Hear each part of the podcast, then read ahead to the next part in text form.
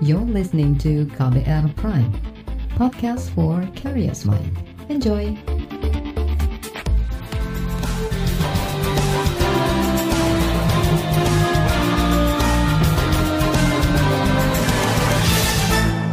Halo selamat sore saudara, inilah KBR sore edisi Rabu 28 April 2021, saya Reski Mesanto. Sore hari ini seperti biasa, selama kurang lebih 30 menit ke depan, saya akan menemani Anda beraktivitas. Dan saya mau ajak Anda untuk membahas tentang penangkapan bekas Sekretaris Umum FPI Munarman oleh Detasemen Khusus Anti Teror 88 Mabes Polri. Munarman diduga terlibat sejumlah aksi terorisme di tanah air. Benarkah Munarman berkongsi dengan jaringan terorisme? Dasar apa yang dipakai oleh polisi untuk menangkap Munarman? Kita bahas selengkapnya di KBR sore. Saudara, Detasemen Khusus Anti Teror 88 Mabes Polri menangkap bekas Sekretaris Umum FPI Munarman kemarin sore. Juru bicara Mabes Polri Ahmad Ramadan mengatakan, Munarman diduga terlibat dalam aksi-aksi terorisme beberapa tahun lalu.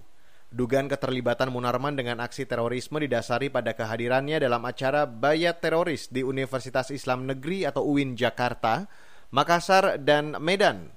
Kepolisian tidak menjelaskan rinci kapan acara bayat itu berlangsung. Berdasarkan keterangan polisi, Munarman diduga menggerakkan orang lain untuk melakukan tindak pidana terorisme, bermufakat jahat untuk melakukan tindak pidana terorisme dan menyembunyikan informasi tentang tindak pidana terorisme. Berikut keterangan juru bicara Mabes Polri Ahmad Ramadan dalam konferensi pers di Mapolda Metro Jaya kemarin malam. Saya akan menyampaikan update tentang penangkapan saudara M. Tadi sore pukul 15.30 Satgas Wil Densus 88 DKI Jakarta telah melakukan penangkapan terhadap saudara M di rumahnya di daerah perumahan Bukit Modern Pondok Cabe Tangerang Selatan. Penangkapan terkait dengan dugaan keterlibatan saudara M yaitu terkait dengan aksi-aksi terorisme yang terjadi di beberapa waktu yang lalu Ahmad Ramadan menambahkan, Densus Anti Teror 88 menggeledah rumah Munarman di Tangerang Selatan dan bekas kantor FPI di Petamburan, Jakarta. Dari penggeledahan tersebut, Densus mengklaim menemukan sejumlah bahan peledak. Di rumah tersebut, di kediaman saudara M, tim melakukan penggeledahan dan tim yang lain juga melakukan penggeledahan di kantor sekretariat di daerah Petamburan. Kantor sekretariat organisasi massa yang sudah dilarang oleh pemerintah dalam penggeledahan di kantor sekretariat Ormas terlarang tersebut ditemukan yang pertama adalah atribut Ormas terlarang yang sudah dilarang pemerintah. Jadi beberapa atribut terlarang. Kemudian beberapa dokumen yang tentunya akan didalami oleh penyidik Densus 88. Kemudian beberapa tabung yang isinya adalah serbuk yang dimasukkan di dalam botol-botol yang serbuk tersebut mengandung nitrat yang sangat tinggi jenis aseton dan itu juga akan didalami oleh penyidik. Kemudian yang terakhir ada beberapa botol plastik yang berisi cairan TATP. Cairan TATP ini merupakan aston yang digunakan untuk bahan peledak yang mirip dengan yang ditemukan di Condet dan Bekasi beberapa waktu yang lalu. Ini juga akan didalami oleh puslapor tentang isi dari kandungan cairan tersebut. Itu tadi juru bicara Mabes Polri Ahmad Ramadan. Dan saudara hingga siang tadi Munarman masih menjalani pemeriksaan di markas Polda Metro Jaya. Munarman belum ditetapkan sebagai tersangka. Penyidik memiliki waktu 21 hari untuk menentukan status Munarman. Saudara, selanjutnya akan kami hadirkan laporan khas KBR mengenai beda perlakuan polisi pada Munarman dan pelaku unlawful killing. Sesaat lagi tetaplah di KBR sore. You're listening to KBR Pride, podcast for curious mind. Enjoy.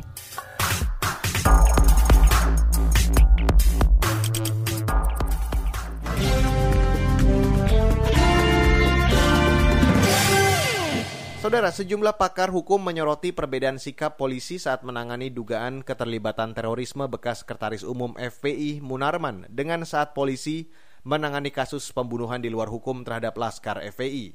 Seperti apa perbedaan penanganan kasus oleh kepolisian tersebut? Berikut saya hadirkan laporan KAS KBR yang disusun jurnalis Mutia Kusuma Wardani. Ini tidak ini tidak sesuai hukum ini. Ini harusnya ya. Enggak, Pak, nanti aja nanti aja. Saya pakai sendal, saya pakai sendal. Udah jalan. Enggak usah. Kamu itu buka. Wah, buka itu.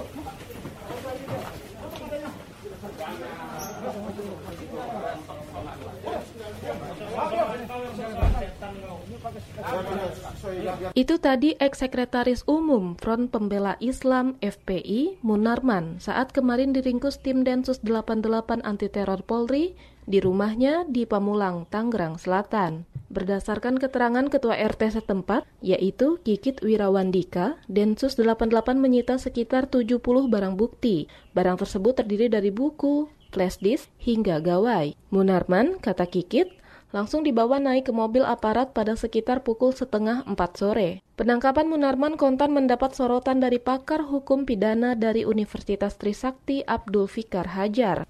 Ia menilai ada perlakuan berbeda oleh kepolisian antara penangkapan Munarman dibandingkan dengan penangkapan kasus dugaan pembunuhan di luar hukum oleh dua polisi terhadap empat laskar Front Pembela Islam. Fikar menyebut penangkapan dua polisi berinisial F dan Y yang tidak ditahan dan masih aktif di kepolisian itu tidak sesuai aturan karena yang bersangkutan telah menyebabkan hilangnya nyawa seseorang. Ini seharusnya ditahan gitu, diproses penahanannya gitu. Karena pembunuhan itu tindak pidana yang berat loh. Nah, karena itu menjadi aneh gitu ketika ini tidak ditahan, tetap melaksanakan uh, apa namanya uh, pekerjaannya. Padahal oh, terhadap orang yang tersangkut uh, perkara hukum harusnya dihentikan kegiatannya. Bahkan uh, kalau uh, tuduhannya berat, ya dia di, di, dilakukan penahanan terhadap orang itu. Ya, kalau ancamannya lima tahun ke atas, ya dilakukan penahanan. Artinya dia harus menghentikan kegiatannya kan terhadap siapa pun. Pakar hukum pidana Abdul Fikar Hajar menambahkan, kepolisian tidak bisa menggunakan alasan kooperatif untuk tersangka sehingga tidak menahan yang bersangkutan terkait perkara pembunuhan di luar hukum itu. Berdasarkan perspektif hukum, kata Fikar, tersangka pembunuhan harus ditahan karena dikhawatirkan mengulangi perbuatannya. Terlebih lagi, kedua polisi tersangka itu juga masih aktif berdinas dan masih menguasai atas senjata apinya. Sementara itu, Bares Krim Polri membenarkan bahwa pihaknya tidak menahan dua polisi yang ditetapkan sebagai tersangka dugaan pembunuhan di luar hukum terhadap empat laskar FPI. Juru bicara Mabes Polri, Ahmad Ramadan mengatakan, dua polisi berinisial F dan Y itu saat ini masih hadir di Polda Metro Jaya. Alasannya yang bersangkutan kooperatif, yang bersangkutan tidak dikhawatirkan melarikan diri, dan yang bersangkutan tidak dikhawatirkan untuk menghilangkan barang bukti. Juru bicara Mabes Polri Ahmad Ramadan menambahkan, dua tersangka sejauh ini masih aktif dan hadir di Polda Metro Jaya. Kedua anggota itu juga tidak dinonaktifkan. Ramadan menjelaskan kedua tersangka juga tidak dimutasi atau dipindah jabatan sebab keduanya masih dalam proses pemeriksaan baik secara pidana oleh Bareskrim maupun secara etik oleh Propam Polri. Sebelumnya Polri menetapkan tiga tersangka dugaan kasus pembunuhan di luar hukum terhadap empat laskar FPI. Dari tiga tersangka itu, satu di antaranya tewas karena kecelakaan tunggal. Penembakan terhadap empat laskar FPI terjadi di Jalan Tol Jakarta Cikampek, kilometer 50, 7 Desember tahun lalu. Di sisi lain, Komnas HAM menegaskan ada pelanggaran hak asasi manusia terkait tewasnya 4 dari 6 orang laskar FPI. Komisioner Komnas HAM Hoirul Anam mengatakan, empat korban saat itu masih dalam penguasaan petugas resmi negara. Hal itu diumumkan Komnas HAM setelah menemukan hasil investigasi terkait kasus tewasnya 6 laskar FPI di kilometer 50 tol Jakarta Cikampek, Karawang, Jawa Barat. Peristiwa tewasnya empat orang anggota laskar FPI merupakan kategori dari pelanggaran HAM. Oleh karenanya, Komnas HAM merekomendasikan kasus ini harus dilanjutkan ke penegakan hukum dengan mekanisme pengadilan pidana guna mendapatkan kebenaran material lebih lengkap dan menegakkan keadilan. Jadi ini eh, tidak boleh hanya dilakukan dengan apa eh, internal, tapi harus dengan penegakan hukum. Dalam rekonstruksi perkara, Komnas HAM menemukan empat orang anggota Laskar FPI yang masih hidup diturunkan ke jalan di daerah res area kilometer 50. Kata Anam, terdapat dua orang yang telah meninggal. Satu orang diduga duduk di jok mobil, sementara satu orang lainnya diturunkan ke jalan dengan luka yang diduga bekas tembakan. Beda-beda perlakuan atas tersangka pelaku pelanggar hukum seharusnya jangan sampai terjadi, karena hukum pada dasarnya juga tidak pandang bulu. Demikian laporan khas KBR, saya Mutia Kusuma Wardani. Saudara, kelompok FPI membantah semua tuduhan polisi yang menyebut bekas sekretaris umum mereka, Munarman, terlibat dalam sejumlah aksi terorisme. Apa saja bantahan mereka? Selengkapnya sesaat lagi, tetaplah di KBR Sore. You're listening to KBR Pride, podcast for curious mind. Enjoy!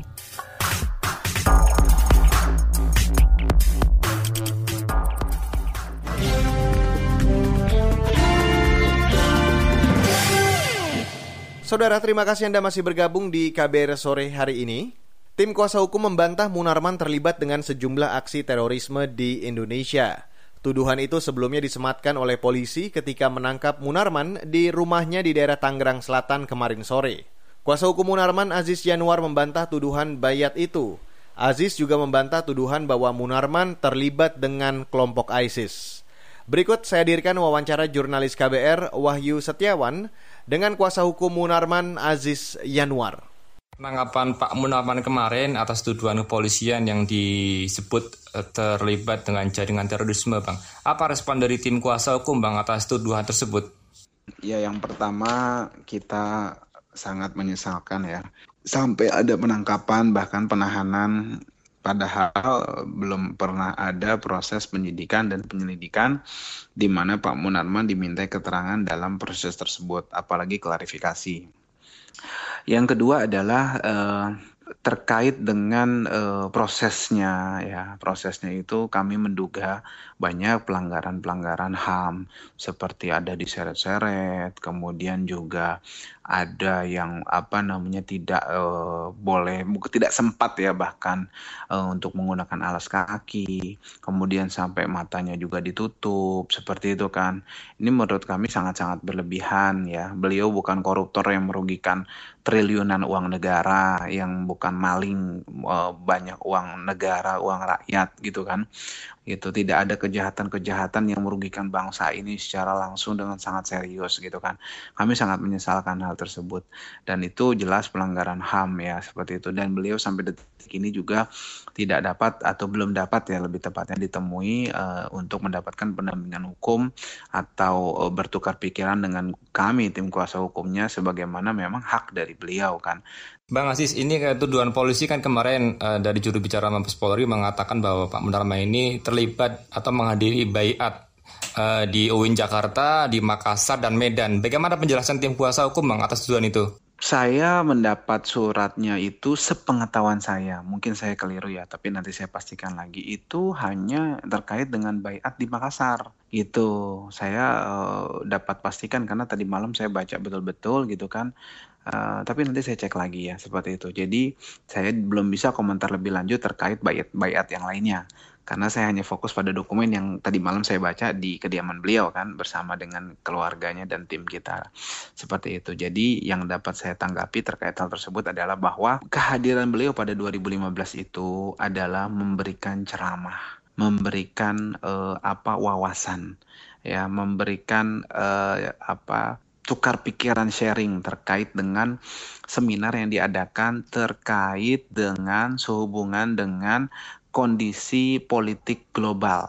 Waktu itu 2015 ISIS lagi uh, apa gonjang-ganjing ISIS lah waktu dulu kan. Nah, itu beliau mau mencoba untuk memaparkan secara objektif dan komprehensif serta ilmiah bahwa kita mesti harus mewaspadai ya eh, tindakan-tindakan atau aksi-aksi atau rencana atau narasi terkait dengan kontra terorisme tapi malah itu menyasar untuk menjaring uh, umat Islam terutama anak-anak muda untuk terjebak pada tindakan terorisme itu sendiri.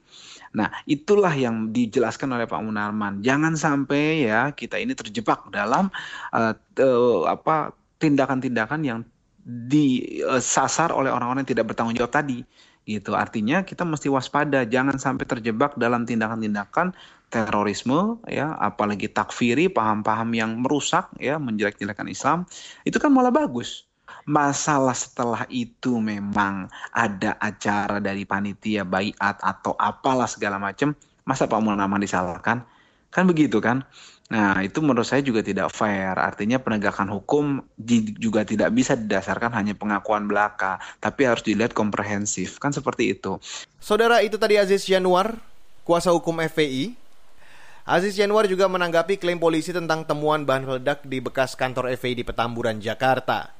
Menurut Aziz, bahan-bahan yang ditemukan Densus merupakan deterjen dan obat pembersih toilet yang dahulu biasa digunakan untuk program kerja bakti di masjid dan musala.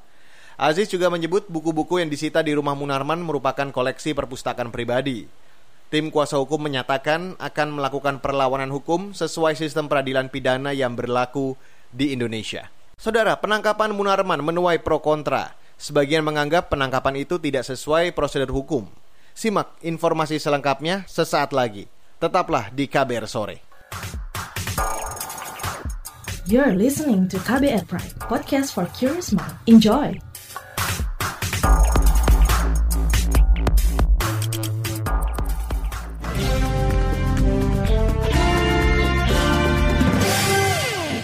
Saudara, Anda masih mendengarkan KBR Sore dan ini merupakan bagian akhir dari KBR Sore. Pengamat hukum Universitas Trisakti Abdul Fikar Hajar berpendapat penangkapan bekas Sekretaris Umum Front Pembela Islam atau FPI Munarman tak sesuai prosedur hukum. Abdul Fikar Hajar menilai langkah yang diambil kepolisian berlebihan dan berpotensi ditumpangi kepentingan politik tertentu. Iya, harusnya itu melalui panggilan dulu gitu. Ya, kecuali orang yang ditangkap langsung itu tertangkap tangan sedang melakukan tindak pidana gitu. Kalau orang tidak tertangkap tangan itu prosedurnya adalah memanggil dulu, memeriksa, memeriksa bahwa dia dituduh atau disangka melakukan tindak pidana ini. Baru kemudian kepolisian boleh melaksanakan kewenangan yang menangkap, menahan gitu. Nah, tapi kalau orang sedang melakukan pidana tiba-tiba diambil dari rumahnya ditangkap, menurut saya itu berlebihan gitu. Walaupun kepolisian memang punya kewenangan untuk menangkap dan menahan, tapi diterapkan tidak pada proporsinya, diterapkan tidak pada yang seharusnya menurut undang-undang. Orang boleh ditangkap, ditahan, ketika tertangkap tangan melakukan tindak pidana. Kalau enggak, ya dipanggil seperti biasa gitu loh. Dipanggil, tiga hari tidak datang, dijemput. Nah kalau ini kelihatannya sepertinya pendekatannya adalah kekuasaan. Belum ada prosesnya apa-apa, kemudian langsung menangkap, menahan. Itu persis kelakuan penegak hukum di zaman Orde Baru, itu, yang memang ditumpangi oleh kepentingan politik. Abdul Fikar menilai penangkapan terhadap Munarman tidak berdasarkan pada fakta dan bukti yang jelas. Seharusnya informasi yang disampaikan kepada publik lebih terurai lagi. Apakah benar tuduhan terorisme oleh polisi terhadap FPI dan sebagainya itu? Nah, itu yang seharusnya ada keterbukaan gitu dari kepolisian. Nah, tuduhan terorisme itu kalau menurut saya belum berdasar bahwa ada orang-orang yang melakukan teror itu oke okay, gitu. Tapi itu harus betul-betul diselidiki gitu. Apakah dia bagian dari gerakan ini, gitu, gerakan satu organisasi gitu. Nah ini yang nggak terbuka karena ternyata dari beberapa peristiwa terorisme itu kepolisian atau penegak hukum tidak menjelaskan betul nggak ada kaitannya dengan dengan terorisme. Nah itu kan nggak jelas gitu. Ini kan hanya menghubung-hubungkan saja gitu. Nah, karena itu kalau menurut saya kegiatan Munarman ini mau dihubungkan ke mana? Ini yang belum jelas gitu. Nah karena itu seharusnya sebelum seseorang itu dilakukan penangkapan, bahwa penangkapan itu hak polisi ya itu kewenangannya. Seharusnya harus dilihat dulu perkara apa yang sedang diproses terhadap orang itu. Kasus apa gitu. Nah kalau kasusnya sendiri nggak jelas ya, maka ini akan menimbulkan kecurigaan ya penegakan hukum akan menjadi alat kekuasaan. Umpamanya akan ada kesimpulan seperti itu. Kalau tidak ada kejelasan. Di sisi lain, pengamat terorisme Al-Haidar juga meragukan langkah yang diambil kepolisian. Berdasarkan pencermatannya, Munarman tidak memiliki jejak atau terkait dengan aksi-aksi terorisme. Munarman itu dan FPI itu sebenarnya adalah organisasi fundamentalis ya, jauh dari radikal dan jauh dari teroris dan setahu saya banyak anggota-anggotanya dulu memang setelah bergabung dengan FPI kemudian keluar kemudian baru menjadi teroris hampir seluruh anggota FPI itu tidak terlibat dalam terorisme kecuali mereka setelah meninggalkan FPI masuk ke dalam JAD baru kemudian mereka bisa disebut terlibat dalam terorisme.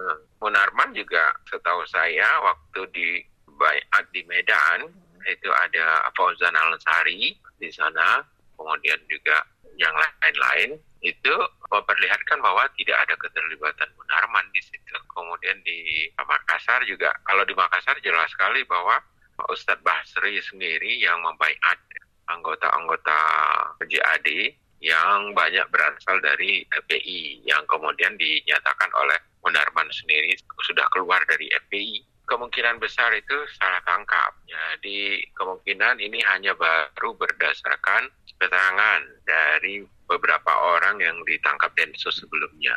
Jadi ada kemungkinan bahwa keterangan tersebut tidak akurat. Jadi harusnya diperiksa kembali. Seharusnya ada keterbukaan ya untuk penyidikan masalah ini, di mana keterlibatan terhadap FPI dan juga Munarman itu sering sekali memang kesannya agak kurang pas. Al-Qaedar memberi catatan seharusnya kepolisian lebih berfokus pada penyelidikan hingga penangkapan tersangka yang menunjukkan keterlibatan jelas pada aksi terorisme. Menurutnya, baik anggota maupun jaringan terorisme sudah banyak yang memberikan bukti atas paham radikal yang dianutnya, yang hanya menunggu penanganan serius dari pemerintah. Dan saudara informasi tadi sekaligus menutup KBR sore untuk hari ini 28 April 2021. Terima kasih untuk Anda yang sudah bergabung dari awal KBR sore dan untuk Anda yang tertinggal siaran KBR sore hari ini ataupun buletin pagi, jangan khawatir karena Anda dapat mendengarkannya kembali di KBR Prime, Spotify dan platform mendengarkan podcast lainnya.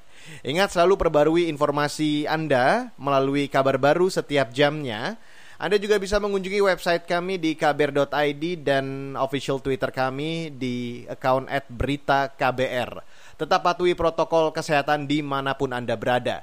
Salam sehat untuk kita semua. Saya Reski Mesanto mewakili tim redaksi yang bertugas sore hari ini. Kami undur diri. Salam.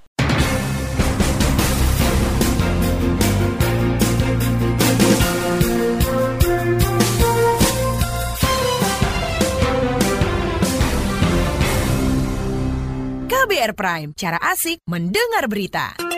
KBR Prime, podcast for curious mind.